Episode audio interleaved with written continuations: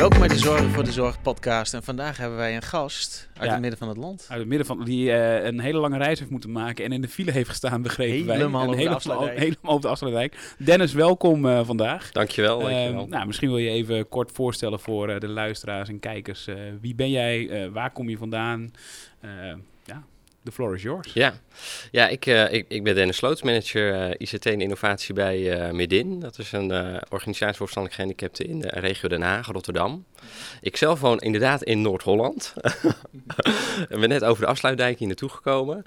Ehm, en ehm, ja, ik ben van origine verpleegkundige geweest. Mhm. En uiteindelijk een beetje gegrepen door de techniek in de zorg. Nou, ik denk 20 jaar geleden. Dus mooi, als functioneel beheerder kom je dan vanuit de zorg op zo'n kantoor terecht. Ontzettend leuk werk. Toen waren net de ECD's in opkomst, dus eh, dat was een heel mooi traject. En nou, dat, daar haalde ik zoveel energie uit, hoe je techniek verbindt aan zorg. En eh, nou, daar ben ik bij eigenlijk eh, op doorgefocust, doorgeleerd. En uiteindelijk, eh, nou ja, sinds 1 januari, manager ICT en innovatie Mooi. bij deze mooie zorgorganisatie. Ja. Ja, Ja, want hiervoor werkte je bij een consultancybureau, toch? Die organisaties hielp. Ja. Ja, een bedrijfskundig adviesbureau die organisaties aan heel erg blauw hielp bij het selecteren van nieuwe ECD's. Dus dat is een heel blauwe kant. Eh, maar we deden ook hele innovatieve projecten. Dus echt onderzoeken hoe technologie nog kon eh, ondersteunen in zorgprocessen. En dan hing je heel erg op domotica en zorgsystemen natuurlijk die op locaties geselecteerd werden. Maar ook hoe je gewoon processen in de zorg eh, ja, ehm, efficiënter kreeg. Wat snijden we er nou uit? Wat doe je nou wat eigenlijk gewoon niet hoeft? Ja. En dat inzicht geven. Ja. hey, en daar ben je dus vorig jaar dan weggegaan. Wat was Ja. eigenlijk wat, wat was de reden dat je iets anders wilde? Ehm, ik voelde me toch een beetje alleen, laat ik dat zo zeggen. Alleen, je staat toch dan een beetje als adviseur naast die organisaties. Eh, vaak wel lange trajecten, moet ik eerlijk zeggen. Eén, twee jaar zat ik altijd wel verbonden aan een organisatie. En het deed me eigenlijk steeds meer zeer om ook weer weg te gaan. Ik denk, nou, daar moet ik misschien dan toch wel wat aan doen. Eh, en dan toch ook weer eens ervoor kiezen om gewoon weer eens een aantal jaren bij een zorgorganisatie te werken. En ja, die stap heb ik ook meteen gemaakt.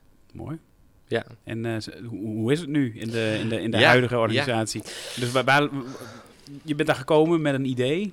En nu? Ik ben daar gekomen met een idee omdat de functie mij aansprak. Omdat ik eh, eh, de functie heette manager ICT en innovatie.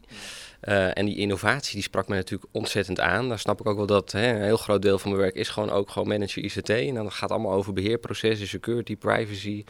Nou, noem maar op eigenlijk. Eh, ook heel belangrijk. Maar het stukje innovatie, dat sprak me aan. En dat is natuurlijk iets vernieuwends. En daar kan je dan toch ook nog een beetje je ei kwijt in verandering, in dingen toevoegen. Misschien toch ook wel de macht hebben om dingen te kunnen veranderen. Ehm, eh, en dat probeer ik nu eigenlijk ook van harte te doen bij Medin. En eigenlijk ook in de regio Rotterdam-Den Haag. Dus ik ben ook wel een beetje iemand die wil samenwerken wel met de ketenpartners die ook nog daaromheen zitten. Eh, en Den Haag sprak me natuurlijk ontzettend aan. Vind ik een mooie stad. Ja? Wat is dan Oh. en wat is dan de verdeling als je dan naar kijkt? Hè? Zegt eh, ICT, Ja. innovatie is het dan 90% ICT, 10% innovatie. Hoe zou je dat een beetje... Ik wou dat het 50-50 procent was, maar die innovatie slipt er ook wel vaak in, omdat dat toch vaak creatieve processen zijn. Mhm.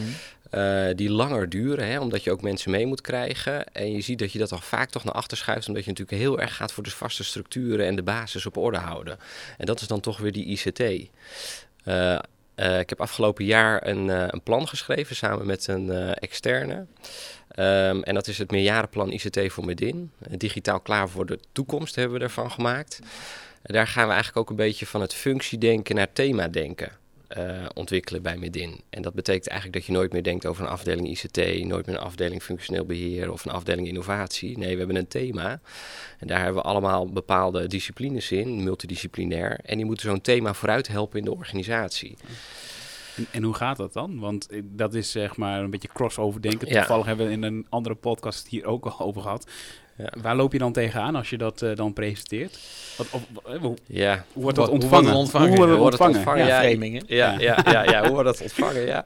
ja, het werd vrij stil ontvangen ook. Ja. Want wat betekent het voor mij? Hè? Ik ben altijd ICT'er geweest en nu moet ik ineens... eh, eh, want in het plan staat met name ook dat we gewoon veel meer contact moeten hebben... met die medewerkers op de zorg, maar ook met cliënten.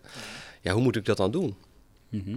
Dat zie je wel echt de vraag. Ik, eh, we hebben ook in die, in, die, in die verandering ook regisseurs beschreven. En een van die opmerkingen die ik in het document ook heb toegevoegd, is dat regisseurs eigenlijk met name op locaties en bij teams en diensten meedraaien. Ja, dat is natuurlijk ook iets heel anders dan dat je natuurlijk vroeger achter je pc zat, contracten bezig was en natuurlijk een, een applicatie een beetje aan het parametiseren was. Ja, dat is echt wel een verandering. Ehm, en daar zitten we eigenlijk middenin. Uh, en ik denk dat er ook nog wel wat beren op de weg komen te zien. Maar ik denk toch dat je uiteindelijk ergens moet beginnen. Ja. Mooi. En je zei net uh, van deze functie geeft ook een bepaalde uh, macht. En dan bedoel je denk ik mandaat mee. Ja, mandaat. Ja, nee, ja, nee. Ja. of zo vul ik hem dan in. Ja. Um, is dat nodig in een organisatie dat er een mandaat is op de juiste plekken om die beweging op gang te brengen? Of denk je dat het ook vanaf onderaf af kan komen, spontaan kan ontstaan?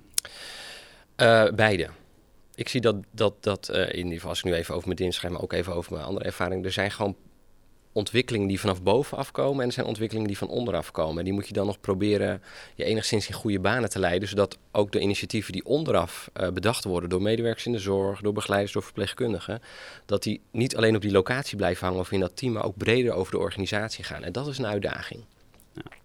En wat um, voor die, voor die uh, ja, top-down, zeg maar, benadering of bottom-up, zeg maar, zoals dat te noemen. Als je vanaf onderaf uh, waar, lopen, waar, waar lopen een organisaties vaak dan tegenaan? Uh, vanuit jouw ervaring. Ja, als ik nou even kijk, uh, een initiatief wat wij ook vanaf onderaf kregen was de veiligheid van medewerkers. Hè. Den Haag Rotterdam zijn best wel ja, um, onrustige steden, laat ik het even zo zeggen, hè, op sommige tijdstippen.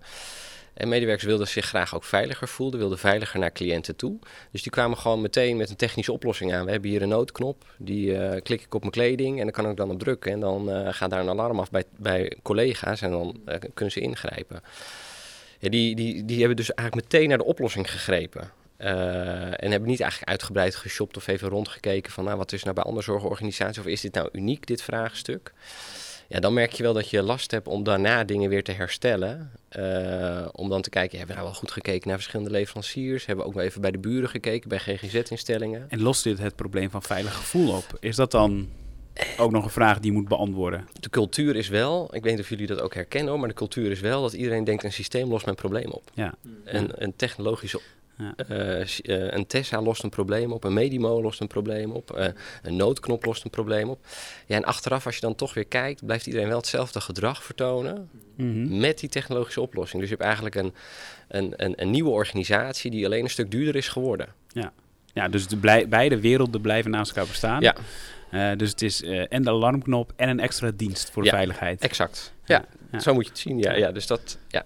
Ja, en dat, en dat, dat is wel kenmerkend, vind ik dan toch, voor de oplossingen die uh, vanaf onderaf naar boven komen. Dus dan heb je meer herstelwerk dan dat je vanaf bovenaf naar beneden drukt. Wat, wat, is er dan nodig om onze collega's zeg maar van het operationele proces te, te helpen om iets breder te kunnen kijken? Heb je daar een idee van? Ja, dan denk ik toch inspiratiesessies, inspiratiesessies, inspiratie. Dus laat ze ook naast het werk een x aantal tijd zich laten ook inspireren door andere zorgorganisaties, misschien met dezelfde dienstverlening. Mm -hmm. Of daadwerkelijk toch door verschillende leveranciers of door mensen die toch wel een bepaalde visie hebben op de zorg. Uh, of een, een, lezing van een boek. Er komen genoeg boeken uit over zorgtechnologie, innovaties. Ja, ik denk toch dat als medewerkers een, een, fractie van hun tijd daaraan zouden kunnen besteden, dat er een soort van ontwikkelingsproces ook op gang ja. komt van zou dat kunnen helpen. Ja, en, dat, en dat is op zich wel een mooi voorbeeld ook vanuit uh, Scania. Die deed dan, uh, had meer FT op de werkvloer, zodat ze tijd hadden ja. voor innovatie. Ja. En dat klinkt nu heel fantastisch. Ja. Maar ik weet ook dat als we te kijken naar het rooster bij jullie, dat dat best wel... Uh, dus eigenlijk heb je daar een enorme... schuurt het enorm hè, tegen de bezetting versus... Eigenlijk hebben mensen creatieve ruimte. Hoe ga jij daarmee om dan op het gebied van innovatie? Nou, dat is ingewikkeld, want we hebben inderdaad gewoon echt veel te weinig medewerkers uh, op de diensten zitten. En het is zelfs zo dat, uh, dat we soms wel eens twijfelen, moeten we niet medewerkers van de ondersteunende dienst weer inzetten om de roosters goed te vullen. Hè, op bepaalde eenvoudige mm. handelingen, een maaltijd maken of eventjes cliënten naar de tandarts brengen of dat soort zaken. Uh, maar dat zorgt natuurlijk ook voor dat bijvoorbeeld onze innovators dan daar die diensten draaien om daadwerkelijk ook gewoon die gaten te vullen en de ontwikkeling eigenlijk stilstaat. Um, toch zit ik er wel een beetje mee te puzzelen en te zoeken hoe zouden we dat nou goed op kunnen lossen. Ja, dat is dan toch, uh, uh, toch kijken waar iemand zijn interesse ligt. Dus hebben wij toch een paar medewerkers die een bepaalde interesse hebben tot willen leren en verbeteren. Die, die, die op een of andere manier kunnen die toch wel creatief hun tijd indelen en ja. die willen zich daar ook voor inzetten. En dat is wat mij betreft dan de oplossing om die mensen dan een soort van podium te kunnen geven. dus een soort ambassadeurs, innovatieambassadeurs ja. uh, binnen je organisatie. En ik denk ook dat uh, als je naar jezelf kijkt en je, je, als je iets leuk vindt, dan is acht uur uh, plus twee uur werken is dan niet erg. Hè? Nee. Want dan denk je, oh, dit, dit vind ik leuk. Dus eigenlijk op zoek naar de mensen die nou, er open voor staan. En, en heb je daar, zit dat ook in jouw plan al? Of is er nog iets wat je zegt van nou, dat, dat komt volgend jaar weer? Nou, dat, dat, dat, dat, we hebben deels wel gekeken van hoe kunnen we die ambassadeurs uh, nu vinden ook. Hè? En ook podium geven en daar ook een bepaalde waardering tegenover zetten. Niet zozeer in geld, maar ook gewoon in, in podium, in, uh, in een gesprek of in daadwerkelijk gewoon erkenning van dat deze heel innovatief bezig zijn. Wat wij nu doen, hè, en dat is heel erg blauw, we doen het programma Digivaardigheid, wat elke zorgorganisatie ongeveer nu doet. En daar uh, recruiten wij digicoaches. En wij hopen eigenlijk bij die digicoaches ook nog een bepaalde interesse te zien in, in, in het willen veranderen van zorgprocessen. Uh, en dan ondersteunt natuurlijk met een soort opperdigicoach of een opper uh, uh, iemand die met innovatie bezig is, om dat dan toch nog enigszins in kaders te begeleiden. Want de wereld, ja, dus alles is grijpbaar. Ja. Ja, dan heb je dus, en dat komt hier ook vaak over taal, is het, het is weer die veranderkundige vraagstuk. En dat is wat je moet leren zien, volgens ja. mij. Is van, wat, wat, hè, technologie is leuk, maar wat moeten we nou veranderen uh, in het menselijke gedrag of in het systeem? Ja, ja, en dat is dan toch, ja, dat zeg je, dat veranderkundige, maar ook gewoon elkaar de ruimte bieden om dan mee te lopen. Hè. Dus ja. uh, stel je draait je dienst en je neemt gewoon uh, mij of iemand anders even mee in zo'n dienst. Uh, en ik loop gewoon mee, maak een gezellig praatje ook met de cliënt of met die medewerker.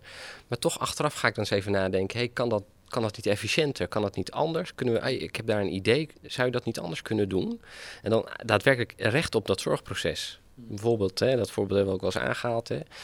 Uh, drie cliënten tegelijk uh, helpen bij de ADL. Ja, je moet je soms ook afvragen, wat wil je weten en wat wil je nou echt zien? Uh, en ik merk dat de medewerkers gewoon altijd alles willen zien. Terwijl ik denk, misschien achteraf iets weten, wat de cliënt misschien gedaan heeft in het handelen, is natuurlijk op zich ook wel, ehm, kan natuurlijk ook wel heel passend zijn. Alleen dat is wel iets veranderkundigs, omturnen, wat je ook niet, ja, kan je niet, wat mij betreft, niet in een project doen met een einddatum. Daar moet je jaren energie in steken. Ja. Ja, dat gaat ook over van hoe ziet een zorgverlener zichzelf weer. Hè? Dus het komt ja. ook weer van wat, wat, hoe kijk ik aan tegen mij als professional. Ja. Dus het is ook nog een soort een verandering in het professioneel gedrag ja. van onze collega's, zeg maar. Ja, ja. Ja, en ik, ik, moet altijd wel lachen. Ik heb een vriendin die werkt in de GGZ en ze is verpleegkundige. En ik had haar ook geïnterviewd van een onderzoek wat ik uh, een paar jaar geleden gedaan heb. En zij zei, ja, ik ga echt niet... Ik wil echt geen verpleegkundige die de hele dag naar een schermpje gaat turen. Dus zij heeft dat angstbeeld dat zij in de toekomst alleen nog maar naar een beeldschermpje moet turen om de cliënten in de gaten te houden en uh, er alleen op af moet als het daadwerkelijk nodig is. Ja, daar heeft zij niet voor gekozen. Ze zegt als dat gebeurt, dan stop ik ermee. Um, en nu ik, nu ik uh, ongeveer 16 gesprekken verder met haar ben, want we hebben het er toch iedere keer met de koffie over, merk ik toch dat er langzaam een beweging uh, ontstaat van het toch willen durven kijken hoe, de, hoe het toch anders kan en waar je toch niet meer altijd die nabijheid van iedereen hebt maar toch ook uh, uh, gewoon alleen dingen zou willen weten. Ja. Om te kijken. Maar dat is natuurlijk heel uh, in de face, zeg maar. Hè? Van het mm -hmm. is niet over die horizon kunnen kijken van ja, maar wat betekent ja. het? En ik denk, wij, wij gebruiken heel ja. vaak dat voorbeeld ook van de zelfrijdende auto. Hè? iedereen zegt, oh, dat gaat niet komen. Maar we doen al 20, 30 jaar zelfrijden, weet je. Dus, maar ik denk omdat je, je ja, zo'n zo verpleegkundige ook. Je kijkt naar het proces, naar uiteindelijk je taak en wat je normaal gesproken doet. En uiteindelijk, we moeten nu een soort van de ADL kun je misschien zo meteen opdelen in verschillende, en verschillende fases. Dus je zegt van hé, hey, de ADL, hier zou technologie kunnen ondersteunen. Of hier, kan, Mhm. hier moet ik echt bij zijn. Ja. En we kijken nu nog steeds naar onze taken. En zo worden we ook nog steeds opgeleid, want het onderwijs werkt natuurlijk ook niet mee. Nee. Dus van dit is jouw taak, dit, dit is jouw rol, dit is hoe jij functioneert. En daarin zien we nog steeds alles hetzelfde. Alleen er is straks minder tijd. Dus ja, is ADL nog ADL hoe wij zijn opgeleid en hoe we daarnaar kijken? Of zijn er onderdelen van ADL wat je nog steeds wil inzetten? En- Waar zet je technologie in? En dat is precies dat stuk. Het is niet of technologie of professional. Nee, het is veel blended. Het is veel meer een, een boek van eh, Peter Paul Verbeek, voor mij, van Stoommachine tot Cyborg. Ja. die hebt gelezen. Dat is meer de Ja. filosofische kant ervan. Maar die gaat daar ook heel erg over. Is van, we moeten snappen, eh, ook, ook nou, eigenlijk het gesprek aangaan met, Ja. met de collega's van, maar wat betekent dit voor jou? Maar het is niet eh, of machines of mens. Het is volgens mij veel meer van hoe kun je technologie gebruiken om, wat jij zegt, de zorg te blijven leveren die we moeten leveren. Nou, nou toevallig had ik gisteren met een zorgbestuurder ging het over een, een online dagbestedingsplatform waar we mee bezig zijn. En toen zei hij van je hebt, nou ja, zijn, zijn uh, bepaalde modules of hoe je dat berekent. En hij zei uiteindelijk, je hebt een x bedrag en daar lever je zorg voor. En daar zit dagbesteding een onderdeel van. Maar hij zei, wat nou als je zegt een soort van, ja, hij noemde een beetje een triage van, oké, maar wat nou als uiteindelijk uh, ik dagbesteding op een andere manier kan geven, online dus, waardoor ik meer tijd voor zorg heb. En uiteindelijk daardoor kun je ook bepaalde pieken opvangen. Want uiteindelijk, hè, zoals we allemaal weten, de ene week is de andere week niet. En of dat nou met psychische klachten is, uiteindelijk met fysieke klachten of uh, uitdagingen. Uiteindelijk zie je van, hij zei van, nou, dan kun je meer soort van schakelen van, hey, de cliënt heeft nu meer fysieke ondersteuning nodig bij de ADL. Dus uiteindelijk gaan we daar online dagbesteding aan toevoegen. Dus ja, dan ga je een hele andere manier van, van zorg en... Van zorg leveren. En ik, ja. ik, ik, ik, haal er wel altijd een, een, rode draad ook wel een beetje uit. Want dat vind ik wel mooi wat je zegt. Hè? Dat je ook deels online kan. Maar als het slechter met de cliënt gaat, moet je misschien fysiek weer even een paar dagen dagbesteding gaan. Maar dat stoelt met mij de gedachte. We moeten zoveel, we moeten zoveel mogelijk weten van de cliënten. Uh, niet zozeer er er zijn. Ja, ook dus ook belangrijk als het nodig is. We moeten meer weten en we moeten zien dat die informatiestromen op een hele mooie en nette manier georganiseerd worden. Zodat die medewerker voelt, hè, een verpleegkundige of een begeleider, ik, voel, ik kan professioneel handelen. Want ik heb genoeg informatie, dus ik besluit die cliënt die gaat online dagbesteding doen. Of die cliënt die moet toch even weer naar mij toe komen. Want dan gaan we eens even samen weer. Uh, ja, dat vind ik wel hele mooi. Dat mooie zijn. Ik, af en toe refereer ik ook wel eens naar, naar Walt Disney. Hè, dat, hoe dat park ingericht is. Ik ben al heel lang geleden niet meer geweest. Maar um, die poppen die hebben allemaal uh, oortjes in. Uh, en sommige kinderen die krijgen dan zo'n uh, zo'n chip, zo'n RV-chip. En uh, daar staan hun geboortedatum op. En er staat welke attracties ze voor het laatst bezocht hebben. Dus die, als ze in de buurt van die pop komen, dan krijgt die pop dat, die naam door. En informatie die, die gedeeld mag worden. En die heeft meteen een interactief gesprek. Ja. grappig. Ja, ik, ik, vind ik zoiets mooi. niet trouwens. Ja, en jij maar denk, ja, ik, ik wel. Terwijl dit weekend ga ik naar de Efteling en een paar keer in, ook uh, in, in Disneyland geweest. En inderdaad, maar mooi wat je ook uh, eerder al zei uiteindelijk. Hè, kijk eens met andere zorgorganisaties mee, maar kijk eens ook bij de Efteling mee. Ja, maar domein, ja, domein overstijgen, dat is wat ja, we doen. Dus je noemen, hè, ze noemen dat ook wel uiteindelijk meekijken, een soort van safari. Dus uiteindelijk ga als eh, eh, VG-begeleider, ga eens een dagje, laten ze de Efteling op bezoek komen, ga daar eens langs. En dat is een hele andere beleving, een hele andere manier van, maar het, staat zo dicht bij wat wij doen. En dan kunnen we zoveel van elkaar leren, maar ook misschien de Efteling uiteindelijk van de VG. Ja, maar dit is ook wel waar wij het vaak over hebben gehad als je het hebt over technologische oplossingen voor bijvoorbeeld thuiszorg. Is, mhm. Moet je een heel dossier kennen van een cliënt? Ja, je moet weten bij wie, bij wie je thuis mhm. komt. Maar wat moet jij weten op het moment dat je die deur binnenstapt? Wat is voor jou relevant? En dan eigenlijk met een pop-up eigenlijk van... Uh, een aantal parameters die voor, voor die uh, cliënt, de patiënt, belangrijk zijn. En dat, gaan, dat is uh, een verjaardag misschien van een dochter kan heel belangrijk zijn of een overlijden.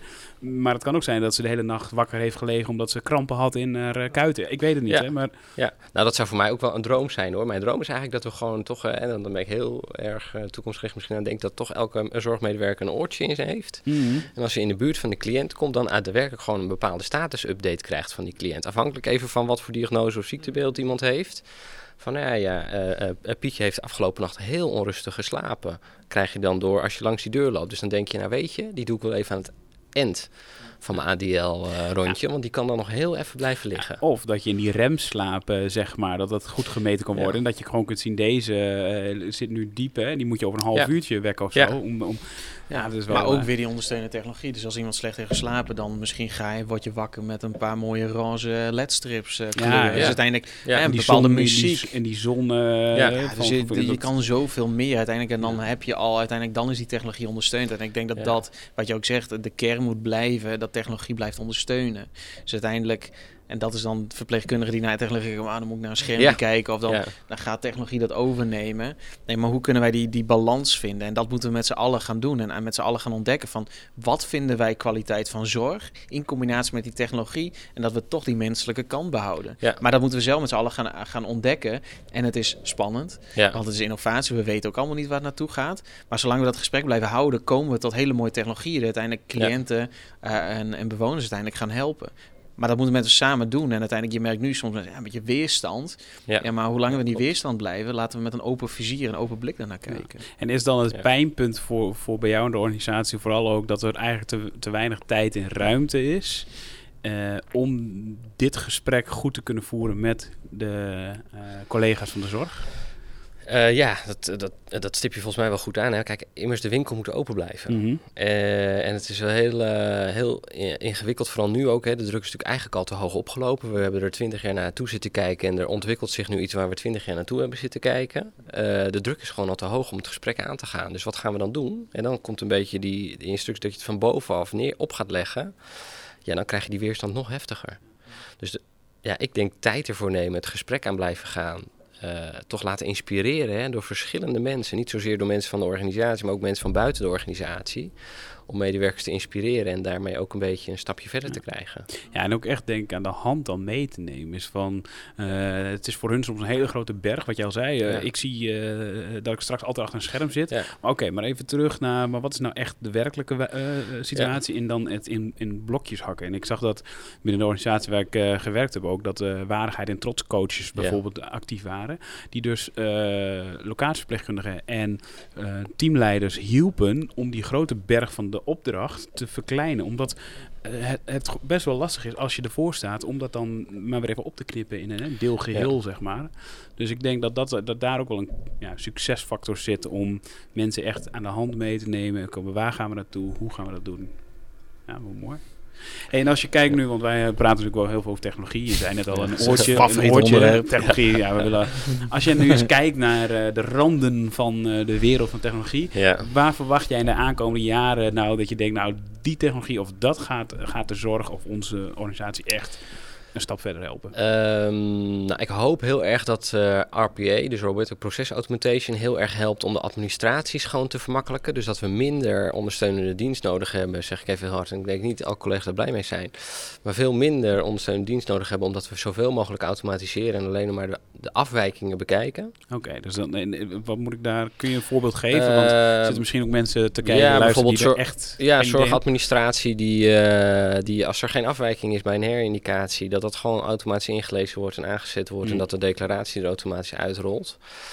Nou, daar zit gewoon nog heel veel handwerk in. Hè? Gewoon elke keer een, declaratie uit een systeem halen. Nou, daar zijn mensen gewoon echt wel dagen mee bezig.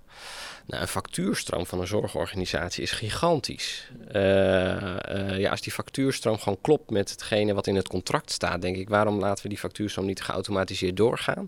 En dat zijn wel processen waarvan ik denk van ja, daar kunnen we in de ondersteundienst nog zoveel op winnen. En die mensen kunnen we dan misschien weer op een andere manier, bijvoorbeeld het gesprek aangaan op die locaties, uh, weer voor inzetten. Dus dat zou we wel een mooie vinden.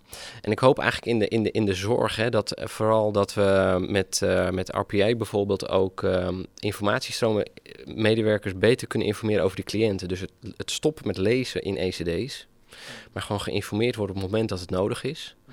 En dat informatie gebundeld kan worden. Uh, daadwerkelijk ook. En maar dan wel dat het gebundeld wordt ook in een boodschap. Dus dat, dat, dat boodschap hoe het met iemand is, dat je dat in vier zinnen kan verpakken. Dat je dat gewoon in je oor gefluisterd krijgt. En dat je aan de hand daarvan kan handelen. Grappig, hè? want dat is wel mooi. Ja, ik ga nu weer de filosoof in de geschiedenis ja. erop. Maar dat wij in de oudheid hadden wij dus, uh, was er veel meer gesproken. Hè? werd veel meer gesproken op pleinen. En, en was er veel meer dialoog met elkaar. En uh, de, de Hippocrates en Socrates, die deden dat veel meer. En we zijn door de tijd van de monniken en dat zijn we naar schrift gegaan.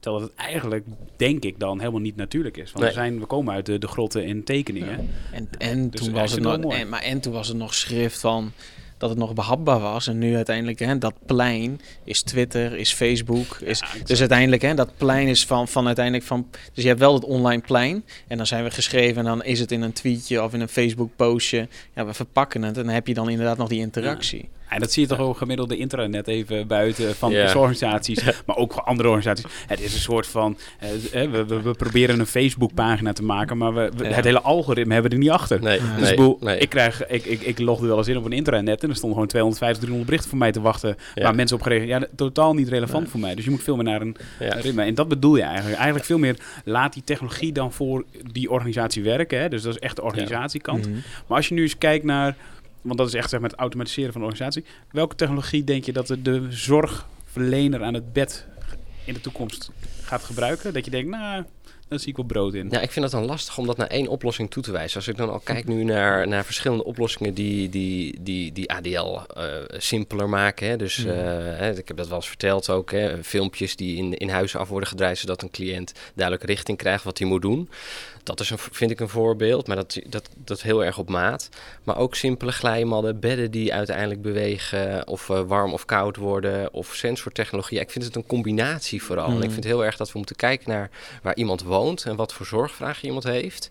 Daar dan een soort van portfolio op los moeten laten aan zorgtechnologie. Um, en dat dan op die wijze moeten inzetten. Dus ik heb niet zozeer dat ik denk van nou, nee, bijvoorbeeld de Tessa, dat gaat hem worden.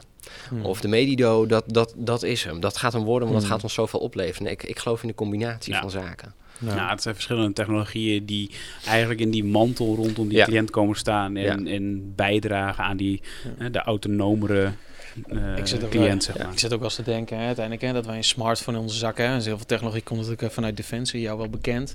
Dus het was de GPS-technologie, het was de Bluetooth-technologie, het was al die dingen bij elkaar. En uiteindelijk heeft dat gemaakt tot een smartphone. En als ik nu ook naar alle technologieën kijk, eigenlijk staan we nog wel de voorraad van zorgtechnologie in mijn beleving. Dus een Medido, een Tessa, een VR. Hè, weet je, je kan allemaal sensortechnologie. Ja, ik denk dat dat soort straks van samenkomt en dat dat soort van. Ik, ik denk dat ook die producten, ondanks dat het ook nog domeinoverstijgend kan. Van hoe kunnen die producten uiteindelijk samenwerken? En kom je tot producten die. Mhm hè, hardware, maar ook software. Hoe komt dat uiteindelijk allemaal samen? En hoe dat eruit gaat zien, ja, dat uh, ja, kan zijn, ik ook niet... Uh, en er zijn nu al uh, partijen die bezig zijn met een soort platformen te bouwen... waar je al die producten in kunt hangen. Hè? Ja. En, dan, en, dat is zeg maar, dat is ook weer een tussenfase. Ook een tussenfase. Dus er zijn eigenlijk een, een aantal tussenfasen. We kunnen nog niet helemaal zeggen natuurlijk waar we naartoe gaan, al willen we dat wel. Al willen we dat heel graag. Ja, ik, mijn droom zegt portfolio's, denk ik dan. Hè? Ja, ik ben natuurlijk erg dan een blauwe en manager zijn, lekker managen dan. En dan denk ik, ja, als ik een portfolio, een deels deel dat ik gewoon een portfolio van techniek op een, op een cliënt zou kunnen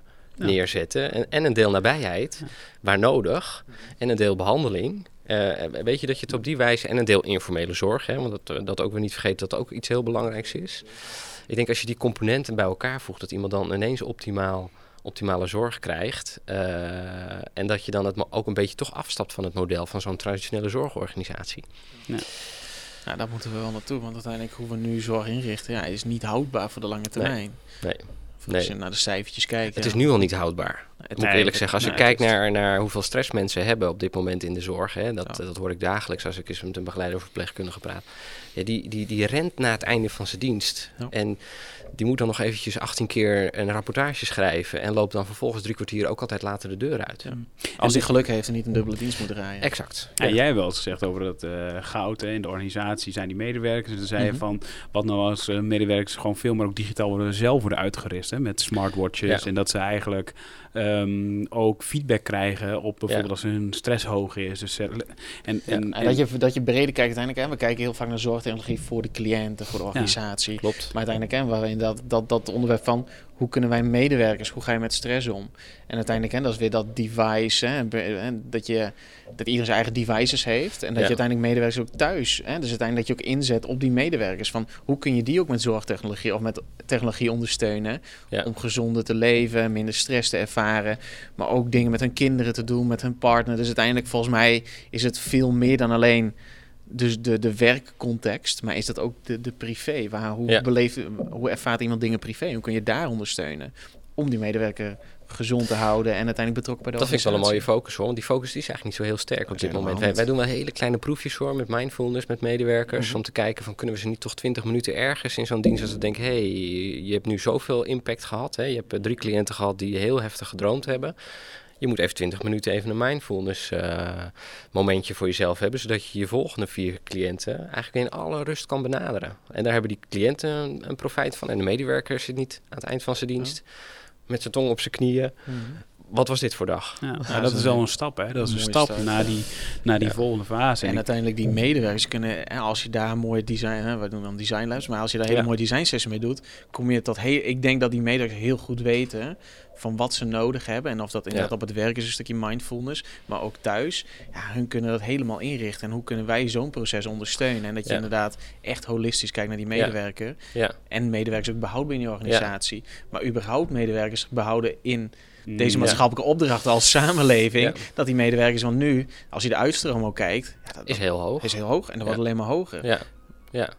Ja. Nou, ik, ik, eh, helaas beginnen we, gaan we naar het einde toe. En als ik jou, jou zo hoor praten, ben je met een enorme mooie opdracht bezig om een organisatie mee te krijgen in de veranderende wereld. Ja.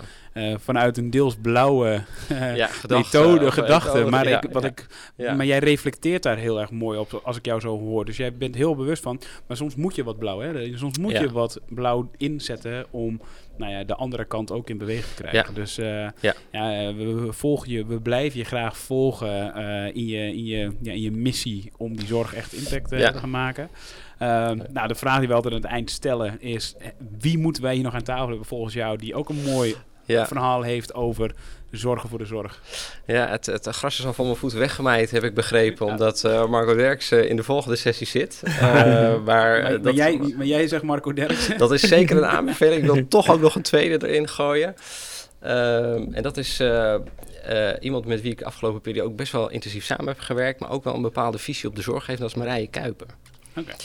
Eh, die zou ook nog wel echt wel een mooie toegevoegde waarde kunnen zijn. Ja, gaan we haar ja. Eh, benaderen. Hartstikke bedankt. Uh, en Marco, ja, zoals je zegt, voor de, de, luisteraars en kijkers, binnenkort is ook Marco Derksen in de podcast. Dus, Leuk. voor de, dus die gaat ook zeker langskomen. Um, hartstikke bedankt voor je reis over de Afsluitdijk hier naartoe. Ja. bedankt voor je komst. En ehm, bedankt voor het kijken en luisteren. En tot de volgende keer.